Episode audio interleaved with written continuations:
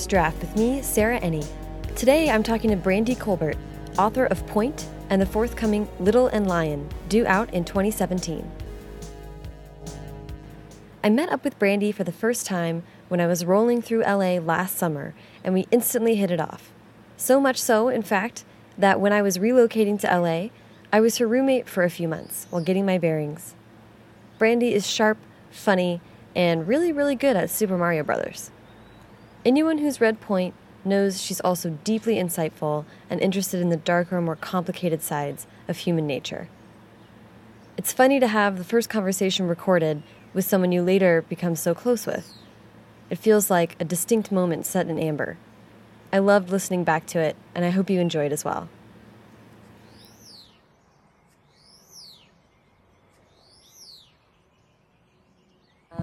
All right, so hello. Hi. How are you? I'm great. Thanks. Hey, thanks for having me over. Oh, thanks for It's coming. yeah, it's a beautiful Saturday morning, and we're in Los Angeles. So, like to start at the beginning with these things, which is where were you born and raised? Oh, um, I was born and raised in Springfield, Missouri, um, which is in the southwest corner.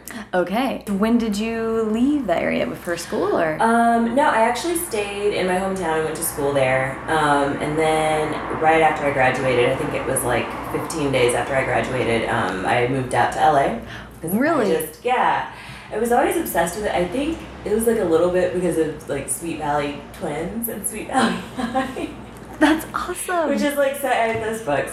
But I just like devoured them and I have like probably all of the Sweet Valley Twins books. And Still. tho- those twins more than high. Yeah, they're at my mom's house. She has all my childhood books packed up. But it was like that and then um when Clueless came out, I was in high, I was 16 when Clueless Mhm. came out. I'm totally revealing my age here. um, and I mean, I was just fascinated. I was like, that's where I want to live. And Really? like, I just was always obsessed. And you made it happen. Yeah. You took off. Yeah. That's so cool. I love that. It was cool. I didn't think I could do it, you know, because I had never been away from home. Yeah. But um, here I am. But something made you do it anyway. I don't know. I, writers are brave folk. I'm finding like picking up and moving like that is not an easy thing to do. And to a place where I mean, did you know anyone? Were you able to like? Um, I came out with my college roommate, so Mm. that was easier. So she moved out here with me, and then she was here for a year and a half, and then she left. And I mean, I knew people by then. yeah. Um, but it was kind of like, okay, like my one safe person is gone. Yeah. Um, but it was cool, and then I stayed here um, for almost six years, and then I moved to Chicago. Really? So yeah. that was- Okay. Well, wait. We're gonna get to that because Yes. Chicago is where Pointe takes place. Uh, first, I wanted uh, you. What did you major in in college? Journalism. Okay. Yeah, print journalism. Um, I knew that. Just wanted to get to it because I love journalism. I know, I was like, a journalist too. Yeah. um, so that's cool. Did you always want to be a journalist, or were you always? Um, yeah, I didn't really know. Like, I always wanted to write. I always wanted to be an author. Like, I said that when I was seven years Really? old. I have like those little books you made in like elementary school with the bound books, and you drew on them. Mm-hmm. Um, and in my little bio in the back, it was like, I want to be an author. Like, I've always wanted to be an author, but like, I didn't really grow up thinking that's something you go to school for. Like, you Mm. don't go and get a creative writing degree. What do you do with that? Like, Mhm. that was just kind of the thinking, and like, you need to get a degree that's going to net you some income. Right. Yeah, oh, and point. journalism at some point felt like it could do that. Yeah, that was before journalism was a dying industry.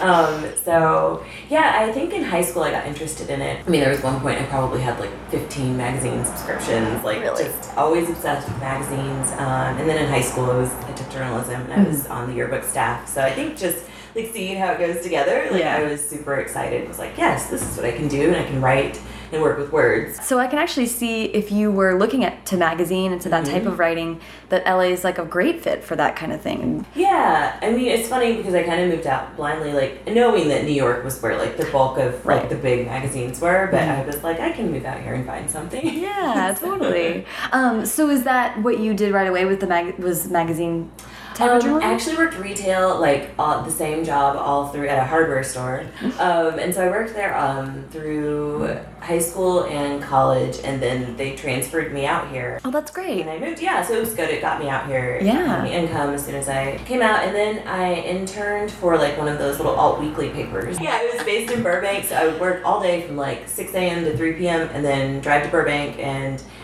work at this paper and just do like you know intern stuff, just like filing and um. But then they started letting me write reviews, which was really great. So I started writing like book reviews and movie reviews for them, and um, yeah, it was just like great. I got some extra clips and Yeah. saw how. And Alt Weekly was put together, which was actually like another dream, is to work at one of those. What led to moving to Chicago? I mean, this is going to sound crazy, but like LA is so the same every day. Like it's just sunny and beautiful out. And like I don't know, after a while I just kind of felt stagnant, just like I need a change here. Like I I don't know what it was. Like I had, you know, a great group of friends, like really settled, but um and a great job at the time, but I just wanted to I'd always wanted to try Chicago. And so I was like, this is the time. Like I'm feeling bored, so I packed up and moved again. Yeah, that's amazing. Did you uh, have the same type of thing where you had like a job set up and all that stuff? No, that time was very different. Um, I did have a roommate set up. I actually ended up living with um, one of my guy friends from junior high. Okay. Um, we'd known each other since we were like seventh grade, I think. Wow. And he was moving there for grad school, and then uh, one of my oldest friends from elementary school is best friends with that guy. Okay. And he lived there already, so they were like, just move. Like, you know, you guys can be roommates and all that. And I was like, okay, why not? Yeah. So I just packed up and moved and did not have a job, and that was right around the time the recession started to hit. So that was a little scary. Uh oh. But I did get end up getting a job at uh, a trade magazine for the collections industry. What is that? it's called. It was called Collections and Credit Risk, and it was literally about like the people. You found the boom industry in the recession. Oh my gosh. It was the people behind, yeah, the collections industry, and so Wow. I never thought I would end up doing something like that. Yeah. Well, hey, you know what? You gotta do what you gotta do. Yeah. So, how did you find Chicago? Did you enjoy it? Um, it was okay. You know, actually, I got laid off from that job after about six Oh. months, I think, because they didn't have the money for the position anymore. There was a recession. Um, and then I ended up working at an investment banking firm as a business writer and editor. Oh wow. Yeah, so I was there for three years. Um, yeah, I don't know. It was. It, I feel like I became a better writer there, which is really sort of surprising Yeah. because it was it was just really like business reports. Um, we handled any company that wanted to sell or raise capital for their Oh, okay. business, basically. And so we wrote a big report that was like the company, you know, all about the company, and then like the industry that they're in, analysis, and then like their financials. Mm-hmm. And so I did the company reports, and so I had to interview these people and mm-hmm. like basically say, okay, tell me everything about you and starting your company and like where you are today. So mm-hmm. sometimes that was really interesting because they had their company for 50 years and it was like all family owned and something like that. Um, it was a pretty demanding job. I was writing probably like three business reports a week, and they were anywhere from like 800 words to like 1200, which Wow. It was just like kind of hard to like get up and go in at 8 a.m. and write on demand. And, you know, Yeah. um, so, but it was good. It made me a better writer, and I worked with the other business writer was like a 30 year newspaper veteran. So he was like really great, and he taught me so much stuff. Even just basically, these reports are really boring. And he's like, well, it doesn't matter. You have to make everything that you write count. And he would just, his reports were just stunningly written. And it's like, how can you make this so beautiful about like this concrete company? But he did it. And so that was like a really, to me, that was like good inspiration. Like, Yeah. you know, you may not always be doing what you want to do, but make it count. Yeah, and finding a way in Yes. to entertain yourself, or you'll go crazy. Yes, exactly. And then writing to a deadline, right? That's Yes. huge, I think. Quick deadlines, yeah. Um, okay, we're gonna come back to that because I Yeah, do want to yeah, ask about how, how this um, impacted your novel writing. But first, you you knew you wanted to be an author. You Mm-hmm. I knew you were reading like off the charts. When did you actually start writing creatively for fun? Um, when I was about seven. Okay, so around the time Yeah. around that same time. Okay. Yeah. And consistently kept it up. Or? Yeah, I mean, it was funny. Like, I don't know. It started like I used to draw more Mm-hmm. than anything else, and so I would always just sit like in front of. I just watched a lot of TV, and I would draw a lot. Um, and then like the characters, I started having them talk, you know, to each other. Yeah, yeah, And then yeah. it was like not just them talking, but like maybe like setting up the scene, and I would write a little bit at the bottom, and then I was like, oh, actually like the words better than the pictures, and so I just started writing um, in just like Interesting. spiral bound notebooks. That's great. So the so all this time that you're moving and you're pursuing journalism, you're writing in your spare time. Yeah, um, it was like, especially in Chicago, because, you know, I think I wrote my first novel in 2006, Mm-hmm. um, I did NaNoWriMo, and that was the first time, or it's the only time actually, that I've ever done it. That Yeah. I was just like, I have to finish this book because I had just notebooks of, you know, unfinished books. Mm-hmm. And it took a while for me to learn to compose creatively on the computer. You know, I was already writing journalism style on computer nonfiction, I guess, on the computer. And then so I finished my first book, and then in Chicago, I was on eventually my fourth book when I was at the investment banking firm. Wow. Pointe. And I was just, it was really tough, especially writing all day for someone else and then coming home and having to write. Like, that was the last thing I wanted to do. But, Yeah. You know, I was so into the story that it actually, I wanted to do it. So Yeah. that was how I felt like I was, again, on the right path. Yeah, that's great. What, what, it was your fourth book though? What were you writing before that? Um, they were all YA. Okay. They were all like, I always wanted to write like grittier books because that's Mm-hmm. what I was drawn to, but I was scared to write them myself because I was sort of like, what will people think of me if I write, you know, these about these really horrible things happening Right. to people. Um, but they were all, yeah, they were all YA and just kind of like on the cusp of being gritty, but like holding back, and you Mhm. could tell that, you know. Um, and so I wrote three of them. I queried all of them, and you know, didn't get anywhere really. And you say that you're writing YA. Was it um I mean, were you aware like of the industry and what that meant? Like were you setting out to write YA or was it just so happened that was the age group that you were writing interested in? Well, it was actually the first book, the NaNoWriMo book, was mm-hmm. adult. It was adult, but I could tell it wasn't working.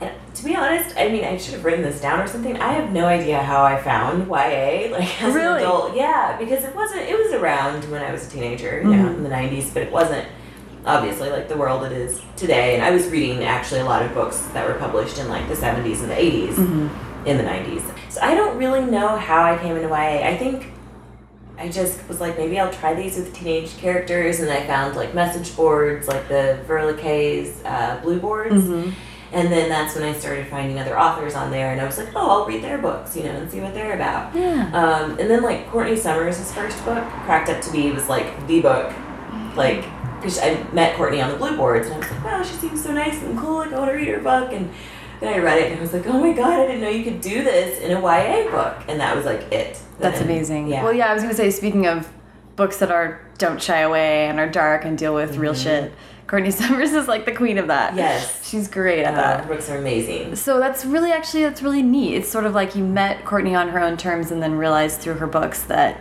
the stories you wanted to tell could be written in YA. Yeah, That's amazing. definitely. I know. I feel so lucky because it was just like, I mean, I was just reading it like, oh my goodness, like even the first page, you know, that first paragraph Cracked Up to Be, like I'll never forget it. I love it, and mm-hmm. it's just.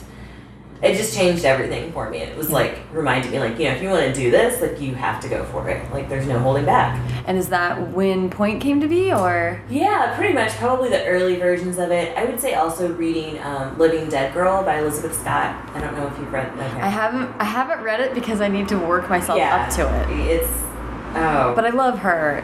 Yeah. And her other books are so different. I read another one after that, and I was like, oh, I Yeah, she's. I mean, she's, and they're all so great. They have such great voice. But um, yeah, Living Dead Girl is one that I'm like, it's on the list of when I have a particularly nice and pleasant period of time in my life. Then Yes. maybe I can tackle that. yes, it was just uh, I was I, I don't even know how to describe how I felt after reading it. It was just really devastating, but also inspiring in a way. And, Right. You know, again, and then like you just have to go for it and just strip it down and write what you want.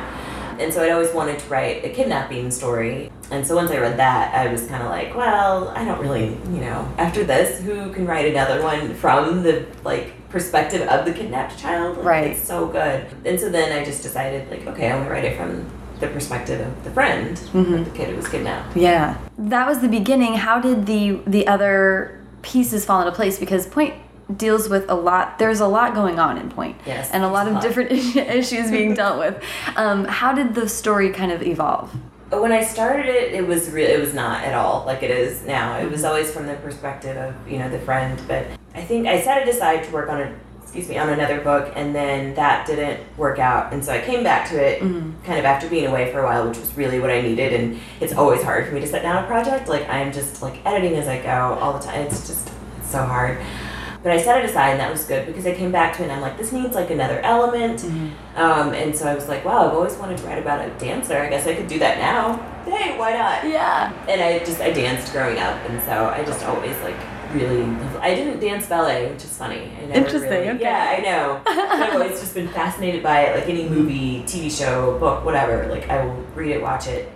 Oh my God, center Um, stage. oh my God, center stage. Like how many times have I watched? Every time it's on TV, it's like, well, that's what I'm doing today. Yeah. Oh my God, it's so. I remember seeing that in the theater with my friends, and they were like, "This is the worst movie we've ever seen," and I was like, "We're not friends anymore." First of all.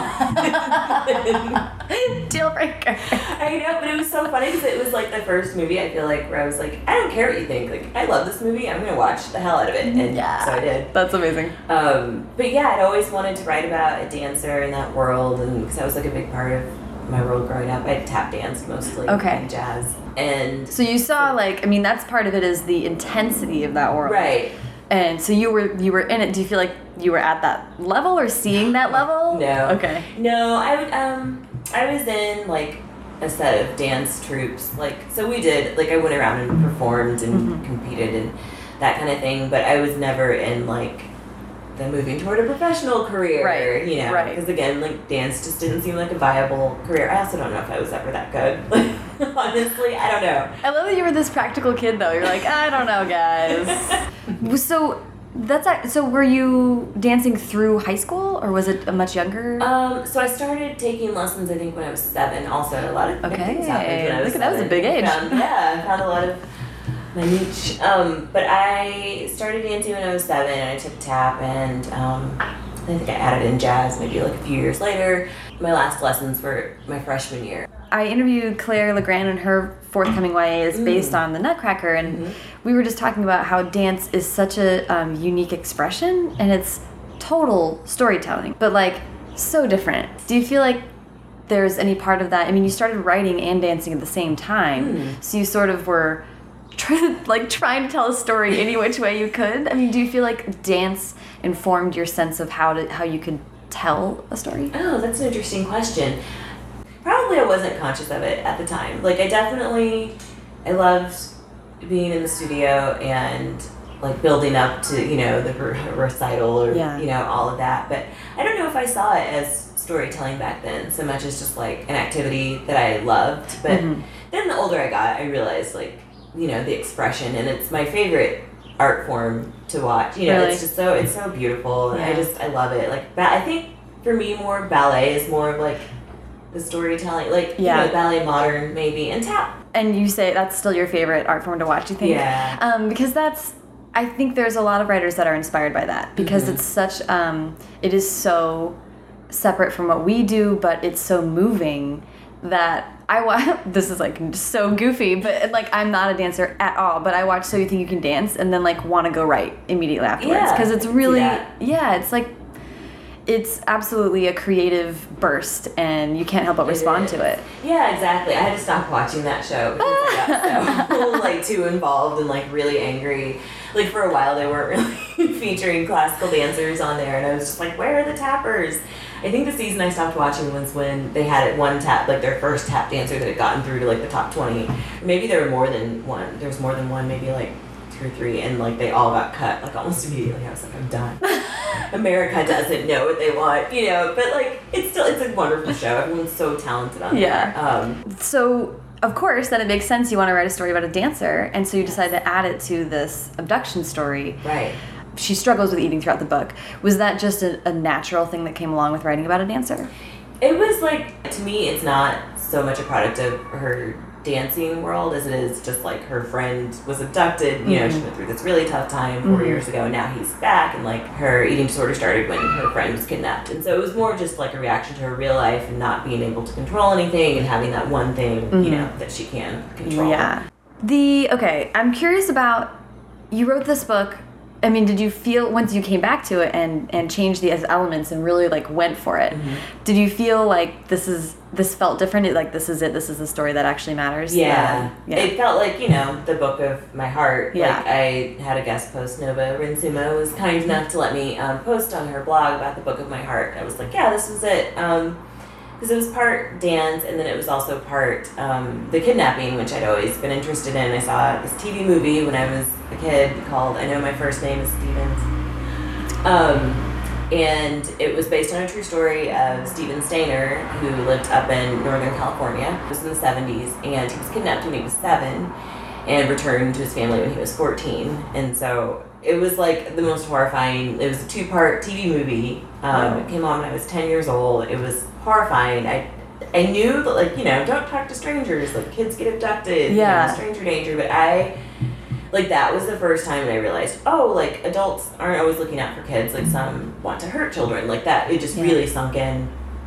And so I was just always kind of fascinated by long term kidnapping cases. Like, how do they cope when they come home? Like, mm-hmm. you know, so few of them come home in the first place, and it just, it was just. I mean, it sounds kind of morbid to have this like fascination with that, but It's, I mean, um, I'm gonna forget her name, Elizabeth. oh, Elizabeth Smart. Yeah. yeah. I mean, just people are fascinated with Right. it. It's inherently, there are a lot of questions raised in those circumstances. And then you want to be happy and excited when you, when the kid's able to come home. But of course, it's just the beginning of their story, like a second act. exactly. that is not going to be entirely happy and pleasant. Um, and is, of course, is fodder for creative fiction. yeah. yes. so, um, okay, so it, so it's an abduction story at its heart. Um, But there are all these other elements. I'm just curious if you if you in the process of getting it edited um, and selling it, if you had any pushback from people saying you need to narrow this down, or was it pretty? No, I mean, it's funny. There was so much going on that I, I guess I didn't really realize it when I was writing and editing. But my editor and I worked really closely. I mean, I worked on the book for a year and a half, which I was just like, I don't understand. like all of my friends' books that sold around the same time as mine were coming out, mm-hmm. they had their second book deals. I'm still working on this book, and I'm like, what is the problem? But now having some you know time away from it, I see how important it was to get all those points right. And mm-hmm. you know, I mean, it's just a sensitive topic on many levels. Mm-hmm. So yeah, I mean, my editor, she gave me a lot of good feedback. She would rein me in when things got you know too broad or going maybe in the wrong direction, but. Um, mostly, let me keep. I, I guess she just let me, you know, Yeah. tell the story like I wanted to tell and Yeah. give, you know, great input. uh, I like that. I like stories like that. You know, one Yeah. one person doesn't just have one problem, and there isn't one narrative arc for a human life. So Right. I love that about points. So I was just curious if you had to fight for it, or if it was understood from the beginning that this is a complicated complicated story and it needs to be sort of fostered appropriately. Yeah, I think it was that, and I think I'm always just going to be someone who has a lot of stuff going on in their books. I cannot seem to like just narrow it down. You know, I read Yeah. book and I'm like, okay, this is what it's about. Like, it, the conflict is great. It's very mm-hmm. straightforward. That's wonderful. But I just seem to get bogged down in all these different issues with the characters. I don't know if it'll work again. Um, but yeah, I feel like that's just how I'm going to tell my stories. Well, I like it. Keep it up. Thanks. Um, oh, and I also want to ask about unreliable narrators. Oh yeah. I love them.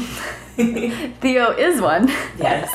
Did you always know she was going to be an unreliable narrator? I mean, I sound so like I don't know what's going, but like I didn't know she was an unreliable narrator until people told me. Like, I think I have zero perspective on writing. I don't know if it's because I worked on it so long or like I just get really, really into the narrator's head. Like, you know, and I'm really working on edits, like that's all I'm probably like most people. That's all I'm thinking about. yeah. So like a lot of times people have said, you know, is it hard to like write, you know, the tougher scenes? I'm like, well, I mean, yeah, and sometimes I did have to like step away, but like most of the time it was just what she's going through, and so unreliable because I know she holds back a lot of emotion that mm-hmm. you would expect her to kind of have and express, but for me, like writing that was so simple. Like she thinks this one way, of course it's this way. Like you know, and meanwhile the reader is like, of course it's not this way. Are you Right. crazy? Right, right, Um, right. So I don't. It was really easy. Um, I don't know how. I didn't set out to do it that way. Yeah, but you were always aware. Would you say that you were aware that the reader would be having a different perspective Yes. then? Okay. Like I was definitely aware she's making horrible choices here. Like, it wasn't like I don't know why. Like people think this is a bad idea. like no, I always like understood that. Um, so yeah, I guess I just didn't realize that like, hey, this means you're writing an unreliable narrator. I was Got just it. kind of like, this is her view on life. Like she's totally fucked up. Like, Yeah, you know, horrible right. things happen to her. Well, and that's what I think I love about it is she's very um it is very natural. She's unreliable, but it's for reasons that you can understand. I mean, it's satisfying and very real. Has it been interesting though people's reactions to I mean, some people really don't like that and other people Yeah. really love it. What's the reaction been like? I feel like the book has been really polarizing. Um, I mean, I've been lucky enough to hear from so many people who did connect with it, which Mhm. makes me really happy. Um, but I mean, I just you know, I try not to go on Goodreads too much because it's just not healthy. Um, Yeah. And at this point, also, it's been out a few months. Like I know what the review is going to say, Yeah. like good or bad. I can pretty much tell the points they're going to hit. But um, yeah, I mean, if people don't like it, they like hate it. And a lot of times it's because like I just couldn't sit back and watch her make all these awful decisions. And shouldn't she know better? And she's seventeen, and I don't know what like those people were doing. Maybe they always had that level head and knew what they were doing. But when I was in high school, I had no idea what was going on. no.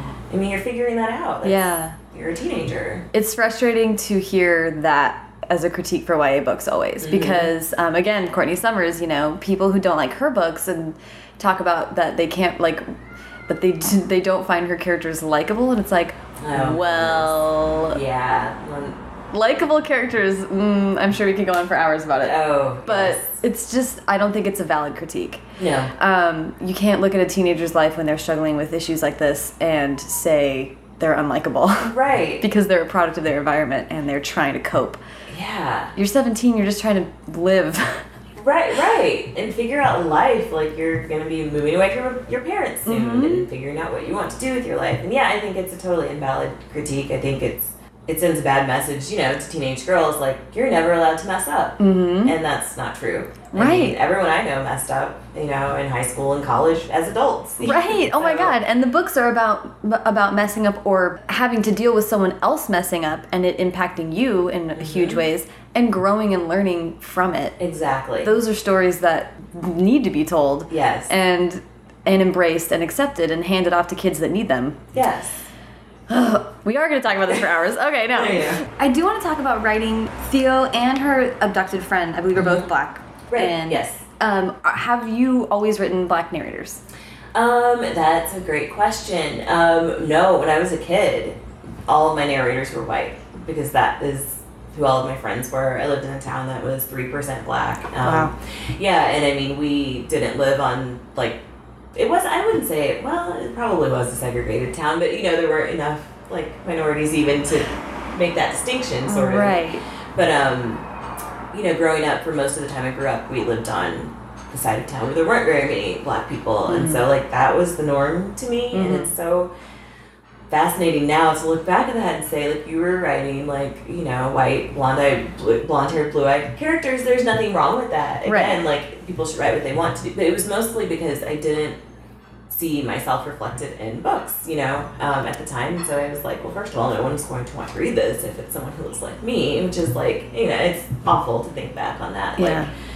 That was my thought. I think the first two books I wrote like for school in second grade, which this is really funny because you can see the shift. I grew up on a side of town that was more racially mixed until second grade. And so the first couple of books I wrote had black characters, brown char- like whatever. They just it was a mix of characters. And then as soon as we moved across town to you know the the white side of town, for lack of a better term, um, all of the characters were white from then on out. So it was just like you're directly impacted by who you're around. I mean, you know, I went to church every Sunday, like growing up the whole time. I went to a black church, which was really cool. Like I'm so glad I had that experience, Yeah. especially in you know such a town that didn't have a lot of black people. But um, yeah, so I didn't start writing black characters until I was in college. But yeah, so not until like I started writing for publication. I, Wow. yeah. And was that a conscious shift then when you started to get serious about writing? Yeah, it was because I started seeking out more books because I was reading more adult books then. It took me a while to come back to YA, so I was reading adult books and I was making a conscious choice to read um, a lot of like you know black authors and Yeah.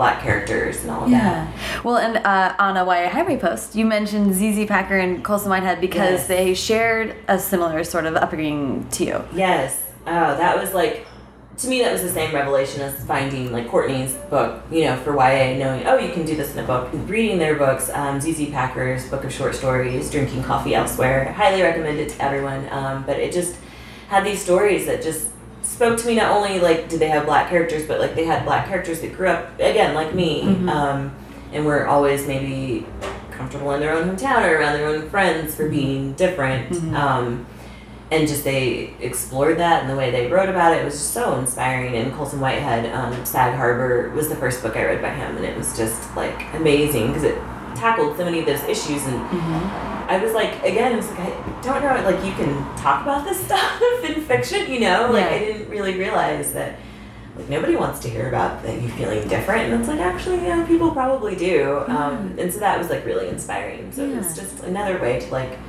remind me to just be honest just write about your experience like your experience is unique because it's yours and people Right. want to hear about it maybe Right. Well, the more uniquely you write it, the more universally it seems to translate. a lot lately yeah so Which is a strange truth in I fiction. that's so true Um, and I mean, this is sort of just a, a, a specific way of getting into the subject of diversity, of the We Need Diverse Books and Diversity YA. Right. I mean, how has seeing that campaign, I don't know, I'm just curious about, yeah, your reaction to it and, and people's attitude. It seems to be just not going away Yeah. and, and having a real, um, it feels like it's really got a foothold, Yes. which is exciting. Yeah, I'm so happy like to see those pictures from bookstores taking their own initiative. You know, like we need diverse books and having their shelves, and I've seen mine on a couple, which is like amazing. But yeah, I just I think it's so good because I think a lot of times, I mean, not to get too into like the business side of publishing, which is really depressing. But, But you know, a lot of books they aren't given the same amount of marketing, and generally, you know, there's just like a few big books every year. Yeah. And a lot of people they just want to know what are, what do you think I need to read, mm, and so they go where you know the marketing tells them, right. and don't- aren't necessarily you know delving into these other books that are there. And I've always been sort of the person who maybe reads the books people aren't talking about. Yeah, yeah, a yeah, lot. yeah. Because those are just the books I'm drawn to, and I, Yeah. those kinds of books don't get the same marketing or Yeah. really any. Right. Well, and, and some, you know, oftentimes they're quieter stories, even if they're dealing with like very real, intense things. Mm-hmm. Let's see. D- um, do you feel like like you've seen a shift in the industry, like since you came back to YA, Mm. and maybe we're more looking for diverse stories? Do you, Mm-hmm. have you seen it improve at all?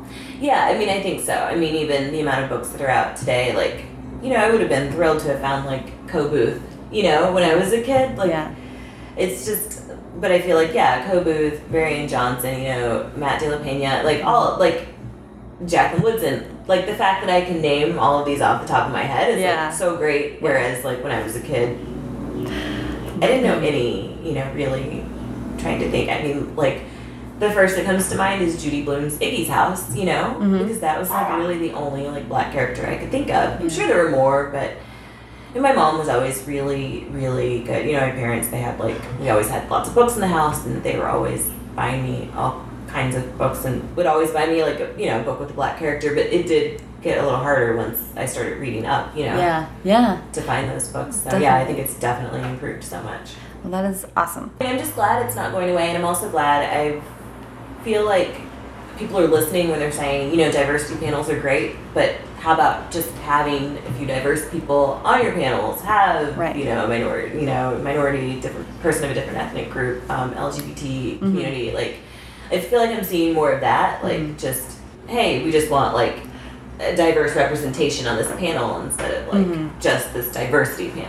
Yeah. So that's nice. Right, right, right. Yeah, yeah, yeah. The, the push to reflect reality in more of how we represent things. Exactly. Yeah, I just feel like it's putting us all on the same plane, which is like, you know, I mean, it's not all that different. Right. Just, just stories. I don't know. It's stories need to be told. It, there just needs to be room for all kinds of stories. Yeah. Okay, because I do want to talk about what is next. What Good. are you. Well, first of all, in the process of writing Pointe, did you start another story? Did you have other ideas? Or it did take a long time. So did you give yourself a break and try other projects? I tried to work on other projects, but I'm not good at working on more than one project at a time. Yeah. I have friends who can just like they've got multiple contracts, like YA middle grade, like like I don't know how you're doing this. I'm just a one book at a time person. Mhm. Um, I'm working on something I'm pretty like vague about Okay. details, but I'm working. It's another YA, Mhm. and it's set in LA, which is like my favorite city. So that excites me. Um, I think I totally skipped over this part, but yeah, you were the trajectory of where you were living, you were in Chicago, and yeah. that's when you started writing Pointe. Yes. Yes. Okay. Yeah. Then when did you coming back to LA happen? Um, it was funny. The timing around that was like amazing. Um, so I started Pointe in like 2009, which is like crazy to think about. And then I set it aside for like probably a year, I think, and came back to it. And um, I queried just like a few agents with Pointe. And Tina Wexler asked for a full, like right away, which was great because she was like one of my dream agents. But like she, um, she rejected my first book just based on the query, like years ago, and I was like too scared to query her again, which is funny because I didn't have that with lots of other agents. That's they saw funny. my queries for all of my books. But um, I don't know. I was just kind of like maybe she'll like this one. So I queried her, and she asked for the full, and um, so I sent it to her. She um, asked for a revision. This was like in May 2011. And she asked for a revision, and I did that. And then she offered representation at the beginning of Au- it was like August 1st, which was three days after I got laid off from my job in Chicago. Oh my goodness. Yeah, I'm like the queen of layoffs because it's like the industry where it's like we don't have room for your job anymore. Yeah. yeah. Yeah. So- no, it's crazy. but um, yeah. So she offered to rep me. I was like sitting on my bed, like in my pajamas in the middle of the day, just like so sad, looking at jobs. Like Aw. God, like what am I gonna find? Like I don't even want to be here anymore. You know, Mm-hmm. just ready to move on. And then she called and was, I was like, oh my god, a two one two number. Like is this Tina? And it totally was. 'cause Oh she- my gosh. You know, I was waiting to hear back on the revision. Yeah. And yeah, she offered to rep me, and then um, I was just like, don't want to stay in Chicago anymore, so I'm gonna move back to LA. And then um, I think I was working on like more like tiny revisions for her before we went out on sub. And then I was packing up all my stuff, um, and then middle of September, she sent me the sub list, and then she was like, "Oh, um, we got an offer from Ari Lewin at Putnam," and I was like, "What are you even talking about?" Holy crap. I mean, I'd looked for an agent for four years. I'd written four books. Like, I just didn't think it was gonna sell. Or, I mean, not Oh. that doesn't speak to Tina's abilities. Tina's a rock star in every way, but like, I just didn't think it would sell quickly for me. And it sold, you know, basically within two weeks after going on sub. That's amazing. And then, um, but I was moving back to LA. I was driving again. That drive, I never want to do that drive again. Three times now. Um, but I was moving back to LA, and I was. This was great. I was at my mom's house. Gotten into town the night before. I was on my mom's house. We're like sitting on the couch watching Food Network. Like one of like my favorite cat of hers was like between us. I Oh. was petting him, and then I get a phone call, and it was, that was Tina telling me like, okay, like we have an official offer, and I was like, oh my god, like Wow. what? It was just so perfect, like watching Food Network with my mom on her couch, like. It just couldn't have worked out any better. Like all of that, the timing, moving back to my favorite city, like all of Yeah. that. So So sort of like a like a rejuvenation period. it was, yeah, That's it felt exciting. nice, because I didn't know any writers really. You know, up until then, I had a couple of writer friends, but like I wasn't in the industry at all. Oh, okay, so so you had a deal, and then you were like, I need to make friends. Yeah, I think I'd started. I'd started kind of cultivating that when I was in Chicago. Once I got an agent, and I was on Twitter like before then, Mhm. but like once I got an agent, um, you know, I was like, well, maybe I'll like you know take this seriously. yeah, So yeah, I didn't really know anybody, and then I started getting on Twitter and kind of meeting people. Then Yeah. um, and then it just kind of you know once the book sold. right. Well, moving on to LA, there's so many people out here that Oh are writing gosh, YA. It's I feel like it's like the biggest YA community. Like I think so. I mean, New York has, of course, just Right. so many people. yeah. But honestly, I don't know. I've stayed the longest in LA, and there's there's like so many here. people. It's exciting. Yeah, it's Um, cool. It's like everyone, you know, kind of gets together for the big things, and then like you have your little branches of people, Yeah. and there's just always someone to talk to about writing. Yeah, it's so cool. Yeah. And I mean, how has developing that community changed? Has it like not changed your creativity, but how has that changed your writing life and your perspective on it? Yeah, it's been really great. Like I'm still sort of um, a hermit. Like I stick close to home a lot. Um, I fake extroversion very well. Ah. Um, but you know, I'm I'm pretty much classic introvert um, for the most part. Um, but it's been really nice to have people to kind of like you know to be able to talk to Yeah. about it. So I still have like my core group, but it's nice to go to like functions and meet other people and see how they're doing. And but then also like I've gained like a lot of great critique partners from it, Yeah. which is like I think to me that's been like the best part because I always had problems finding people to read my work. You know, I had a couple of friends who like wrote in college or like Mm-hmm. kind of dabbled in writing or they read a lot. And so that was like really the only criteria. Like if you read a book in the last year, do you want to read mine? Tell me what's wrong with it.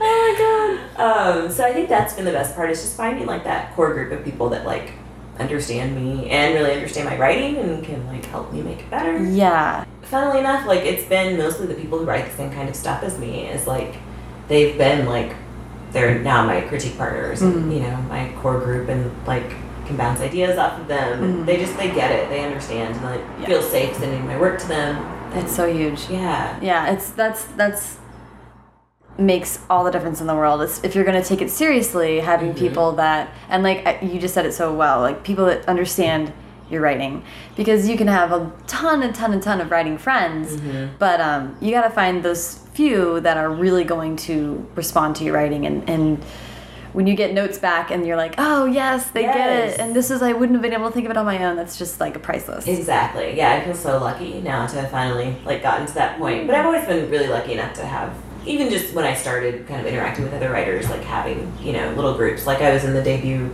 2013 group, The Luckies, even Yeah. though my book didn't come out in 2013. Got pushed back a little.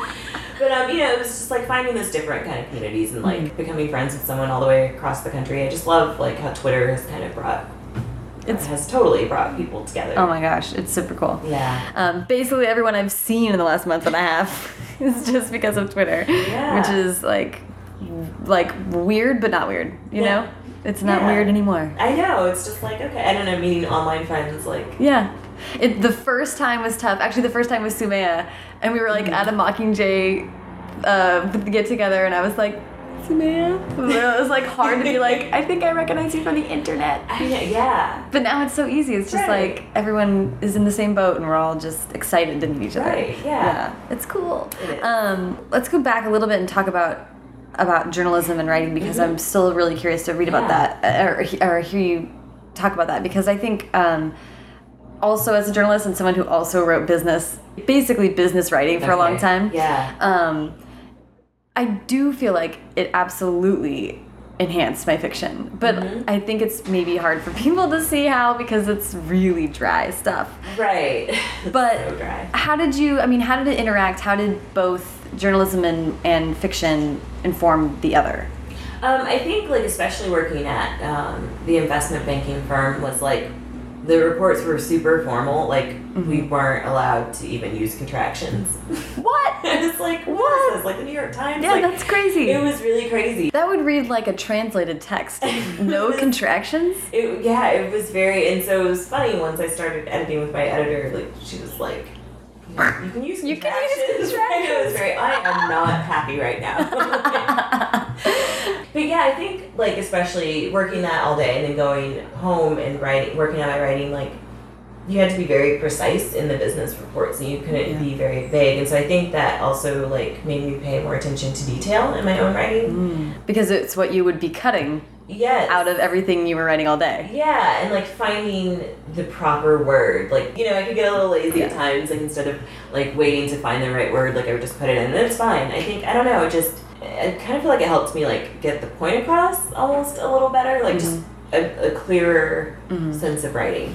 And do you feel like structure? I think structure was huge for me. Oh, I'm probably the least structured writer ever. I'm terrible. I don't outline. Like I don't even know what the word Really? count is ever. I'm like, I just so like funny. sit down and write and like don't really even designate time for writing. I mean, sometimes I'm like if I have free weekends, Yeah. I'm like yes, I'm gonna be writing all weekend. Mhm. Like sometimes I won't start until like 11 p.m. and it's just like I'll Oh write from 11 p.m. to 1 a.m. and go to bed. Wow. And sometimes it happens, you know, during the week too, where it's just like I need to come home because I copy edit during the day. Mm-hmm. So again, I'm working with words all the time, and so I need to come home and like decompress and maybe just watch the TV and like Mhm. not look at words for a while. Mhm. But um, yeah, I'm really unstructured, but it was really great, like That's so funny. in a weird way. But yeah. What um like you said you are still professionally working with words. Mm-hmm. Are there like tricks that you've found to help yourself get motivated to get back in front of a computer in your free time basically? That's a good question.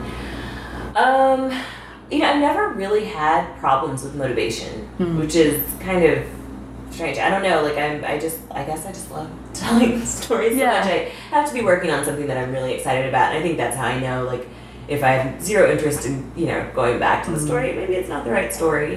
But basically, it's just like I have to get to a point where I'm thinking about the characters all the time, and they, they kind of won't go away. Mm-hmm. Yeah. And so, like, if during the day I'm like, oh, you know, like I had this idea, I can't wait to get back to that. Like that helps a lot. Yeah. I relate to that because working all day in front of a computer and then going home and writing is like tough. Mm-hmm. But at the same time, it's like that's all that I can do. Right. and I still love it. Yeah. I don't know. It's not I think people um I've had people talk to me about it like it should be impossible and it's like I don't know. I mean, yeah, I could have better posture, but that's that's Right. about all. Yeah, I'm like hunched over on my bed. It's really Yeah. bad. But um, yeah, I know. It's just, I guess, feels like it's what I'm meant to be doing. Yeah. So, like if I'm not writing, basically I'm like super cranky and like Yeah. not fun to be around. So it's better if I'm writing. That's even so if, funny. Okay. I love I was like writing process doesn't have one. you know, it's so bad. Like I, I'm like the worst role model like, for writing process. It is like no outline, like nothing. Oh, it's bad. At what point do you know if you don't outline and you're sort of writing? Do you write whatever scenes are energizing you at the moment? No, it, it's funny. I guess I do have a structure in that I write um, chronologically. So I do write from beginning to end. Like I see people talking about Scrivener. I've never tried Oh. Scrivener. Like I don't think that would work for No. me. Um, but I see that like a lot of people say that it helps writing out of sequence, Mhm. um, which I could see that. That would be great. But no, so I think really linear, linearly. I think. Um, I guess that would be like the only structure Yeah. I have. Well, if you don't have an outline but you are writing from beginning to end, I feel like that's that is still a process. And so you still have enough structure inherently that you can get through it. Yeah. Because I, I was a pantser for a while and then the last couple books I was like, why don't we try just going from fir first to last? Right. And um, it was so extremely helpful. That worked, yeah. yeah. But, I mean, it, then you realize how much you hate transitional scenes because you're like, ugh, I have Yeah. to write this right now before I can get to that fun one. Exactly. It's kind of yeah. It's kind of tough. but it makes that. you do it. Yeah, and I think the problem for me is that books that I like to read and books that I like to write are more character driven. Mm-hmm. Like, I mean, Pointe I looked at and it had, I guess, a compelling plot. I mean, in a Yeah. way, but you know, I'm always more like characters. Like, so I'll have like these, you know, really well developed characters, and it's like, well, there's nothing going on there. Like, this is like a hundred pages. Of, like, Oh, they're just hanging out. yeah, which is like kind of what I, what I want to read. Yeah. Like I just like even like movies, like I just like those really quiet indie films where people are just like sitting around drinking coffee and Yeah. crying. And crying. Yes. Oh my god, that's amazing. I love those too. Um, just people hanging out, like Yeah. interesting people having good conversation is like what makes up so much of the, what I value in life, yeah, exactly. as evidenced by what I'm doing right now. podcast would. Yeah, I mean, I agree. Like that's It's a compelling human story. Yeah. People talking to each other. right. I just find people like fascinating as much as of a hermit as I am. Um, like I think that's why I seem sort of like an extrovert when I go out or whatever. Is because like. You know, I'll ask a lot of questions. I am interested. Like, what makes you tick? Like, Yeah. why are you like you are? You know, I mean, that's a little Totally. deep for. But yeah, I'm always fascinated, like why people, how they turned out to be like they are. How did your childhood and you know inform that? All of that stuff. I Yeah. mean, that's a little, a little deep for talking to someone the first that's- time, but you know, That's what we're saying, right? Dive right in. yeah. It's a wonder that we became journalists. I right. Hmm. You said that you sort of um, found YA and it really clicked. Would you ever want to write a different story? Oh yeah. yeah, I want to write everything. Like I shouldn't even put this out there because I don't know if it'll happen. But no, I want to write um, definitely adult. I'm really drawn to like um, adult literary fiction. I Mhm. love it so much. Verse novels, I would love to write that. I have no training in poetry. I don't even know how that would work out, but I love reading poetry and reading verse novels. Maybe middle grade, um, because it's funny. Middle grade, like, definitely had the biggest impact on me. Yeah, you know, in my reading life. Mm. Like, those are the books that I remember, and those are the books that you know my Yeah. parents bought for me and that I read over and over again. Mhm. Like, I go home and look at them, and all those copies are just like worn, and I'm like, gosh, why are these? And it's like because you read them so much over Yeah. and over again. Um, so I'd probably like to try a middle grade. Yeah. Uh, I don't know. I feel like sometimes my voice skews a little too old for that. Just Yeah. the types of things I like to write about. Right. I, well, and I was telling um, someone I was talking to someone about that because I feel the same way. I was like, Mm-hmm. but I was, and I, and not only that we're writing YA, but like older YA, you know, Right, like eighteen, exactly. looking at college type of YA. Yeah. Someone once told me that middle grade most correlates to like adult fiction, which I found was really interesting. Like, Huh. I guess that the voices are more similar than YA would be to adult, and that YA is to middle grade. I kind of thought about it. I don't know. Like, I guess I can kind of see that. I don't really know. I can't really explain.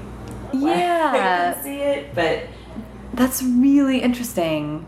Because well, I was gonna say right away because middle grade does deal a lot more with kids and kids figuring out how they fit into a group.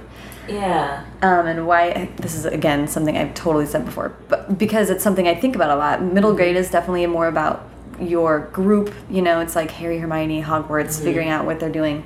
And then once that transitions, once Harry Potter transitions to being a young- adult, it's navel gazy, Right. and really about what about his personal Yes. relationship to what's going on. How do I fit into this world? Yeah, Right. as opposed to like examining the world around you. I guess maybe that's the common. Yeah. Totally. So I wonder if the idea is that in adult literary, you're back to thinking about things more broadly. I don't know. And you're done with your period of total ego. right? Yeah. maybe, maybe, maybe we just, I don't know. I'm like, maybe I didn't ever leave that, and that's why I don't know what Yeah. adult fiction is. Yeah, exactly. Me too. But that's really cool that you would. And what about like nonfiction? Have you ever thought about that? Hmm. Yeah, I mean, I think I would like to write, I guess, a YA memoir. I would actually really like to write. It's Yeah. just like that would take a lot of going back and kind of reliving, you know, some things that maybe aren't so fun to relive. Um, Right. I mean, I loved being a teenager. I every time I say I had a great time in high school, people are like, "What are you talking about? Like high school was the worst." I'm like, "No, I loved it. Like Mm. I had a great time. It was fun." But you know, I mean, definitely like growing up in the kind of town I did was like not always great. Yeah. Um, Well, for the that's- part, I loved it. Sag Harbor is memoir style, right? I mean, it's Yeah, so- it's like roman à clef, I guess. Yeah. Yeah. So it's, I mean, examinations of that. There doesn't have to be one central, you know, tragedy to your life for it to be worth writing about. Right. Yeah, I would love to do that. Um, Okay. Well, I'm gonna. I have a couple of kind of sillier questions, but first, I do want to actually ask about place and how setting is factored into your books. Mm. Um, was Chicago a very purposeful choice for Pointe? yeah, I don't know. I think I just kind of wrote about it because I wasn't didn't feel like I wanted to write about LA, and I didn't want to write about really, you know, my main states that I've experienced the Missouri, Illinois, and California. Yeah. Really weird. um, It's a varied mix. Yeah, so I knew I didn't want to write anything about Missouri, and I didn't want to do LA for that book. Um, yeah, I think because like Chicago was kind of people are gonna hate me for this, but Chicago was kind of a depressing city for me. Like I just wasn't happy living there. Yeah. Um, I know why people love it. I can absolutely see that. Like I do think it's a great city. Mhm. I can see that objectively, but like for myself, it just didn't work for me. Yeah. Um, I didn't feel at home there. Like I had a great group of friends. Luckily, I was very lucky to find them. Um, so it kind of helped with like the darker setting and like you know it was set in winter, just like six months in Chicago, and just Yeah. super depressing. Like, Yeah. Yeah. That's really hard. Well, you're an LA girl. yeah. Chicago like couldn't be more different, no, really. no, and I'm glad I tried it out Mhm. and everything. But yeah, I think that it was really. I think even the next couple of books that I tried and set aside were set in Chicago, so I definitely find it an inspiring place. I do think that's that's a really good point, though, that you don't have to have a, re- a love relationship with a city Mhm. for it to be a really for it to have a lot of creative fodder as setting because Yeah. you're observing a lot about the city in saying why am I not like having the best experience here? Right, why am I not connecting to this? Yeah, and I would love to write another book set in Chicago, like in you know the actual city instead of the mm-hmm. suburbs sometime. Um, because I didn't really get to delve as much into the city as I wanted to. Mm-hmm. Like her ballet lessons were in the city, but you know just at the studio the whole time. Right. Um, but yeah, I would love to write more in Chicago actually, which is funny because like, Yeah. I never want to live there again. But maybe you can go back and visit. yeah, Do some research. Yeah. What about LA? Would you ever want to set a story out here? Yeah, the one I'm working on now is tentatively, you know, set here, and I think for a while I was afraid I like wouldn't be able to do it justice because I Mhm. just love it here so much, Mhm. and I can recognize the flaws of LA, Mhm. you know, just as much as Chicago, but this just feels like home, you know, Mhm. in a way that Chicago never did. Yeah, I think actually in living over here in this neighborhood that I do now has been really inspiring. Like it just, I feel like I fit in here and so I notice a lot more things. Like, and you've been around here. There's like so much to see, and it's got so much history, and like, yeah, it's great. So I feel like definitely where I am now has been inspiring enough to like, okay, I can do this part of LA. Yeah. You know? Okay. uh, one of the last questions I have for you is on your blog from a while. I think this was a while back, Oh but you mentioned that you are like totally obsessed with copyright pages, Oh my god. which is like such major book nerd cred. Oh my god. Yes. What is Thank it you. about the copyright page? It's just I don't know. It's like that. I think it's that same part of my brain that loves copy editing and just like it just feels so official. Like even okay, this is totally nerdy now. When I would make up my books as a kid, I would do like the like the copyright on the back. And That's so my awesome. my publishing company was Trebloc because it's my last name backward. oh my god. And so I would do like the copyright, like I've always just been obsessed with it. But I think it's just like it lays it all out there. Like here's your name, like this, and it just says like this belongs to you. yeah. And I love that. Like after like wanting to be a writer for so long, and I don't know, but even just looking at other people's copyright pages, like I've loved it. Like Yeah. The ISBN, you know, Library of Congress, like Yeah. it's so official. Like It's and there's like a little description. Yes, and you know, like mine, I think says like Illinois, African American, dance, you know, performing arts, like just all those little like categories. Something really satisfying about it. Um, Yeah. the and it was really actually it was really sweet because you wrote this part of your blog before Pointe came out, and you're like, I can't wait to freak out over my over my own, and now you've had the chance to. I know. Yeah, that's still like my favorite page. Like it was definitely the first one I turned to. It's like that and acknowledgments. I love. But I yeah, I just acknowledgements. seeing that copyright next to my name, like even more so, like holding the book, just felt like this is official. You know. I love that. That's Yeah, so cool. it's so. Uh, that's the best. Uh, um, uh, I love acknowledgments too. There, Oh my gosh. it's it's funny because I have to keep myself from reading the acknowledgments before I start the book. Oh, I always do.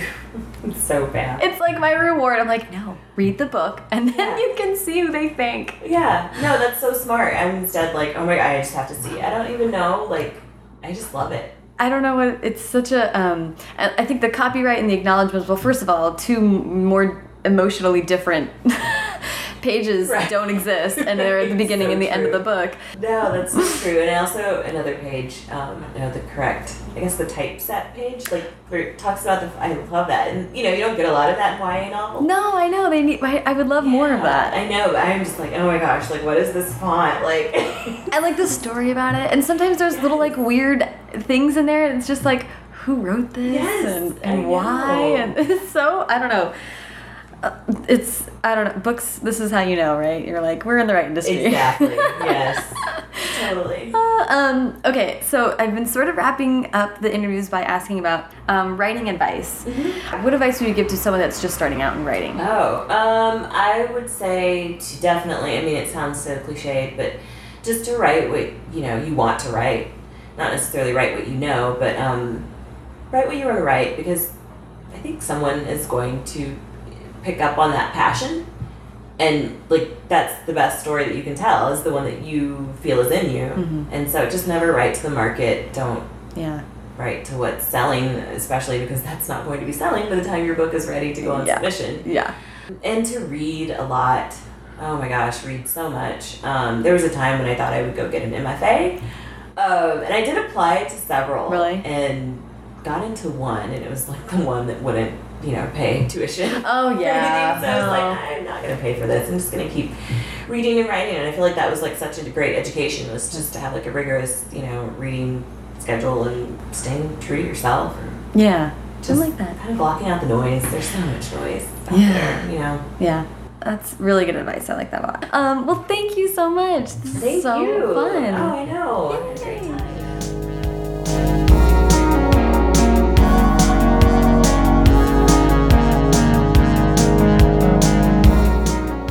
Again to Brandy. Follow her on Twitter at Brandy Colbert and follow the show at First Draft Pod and me at Sarah Enni.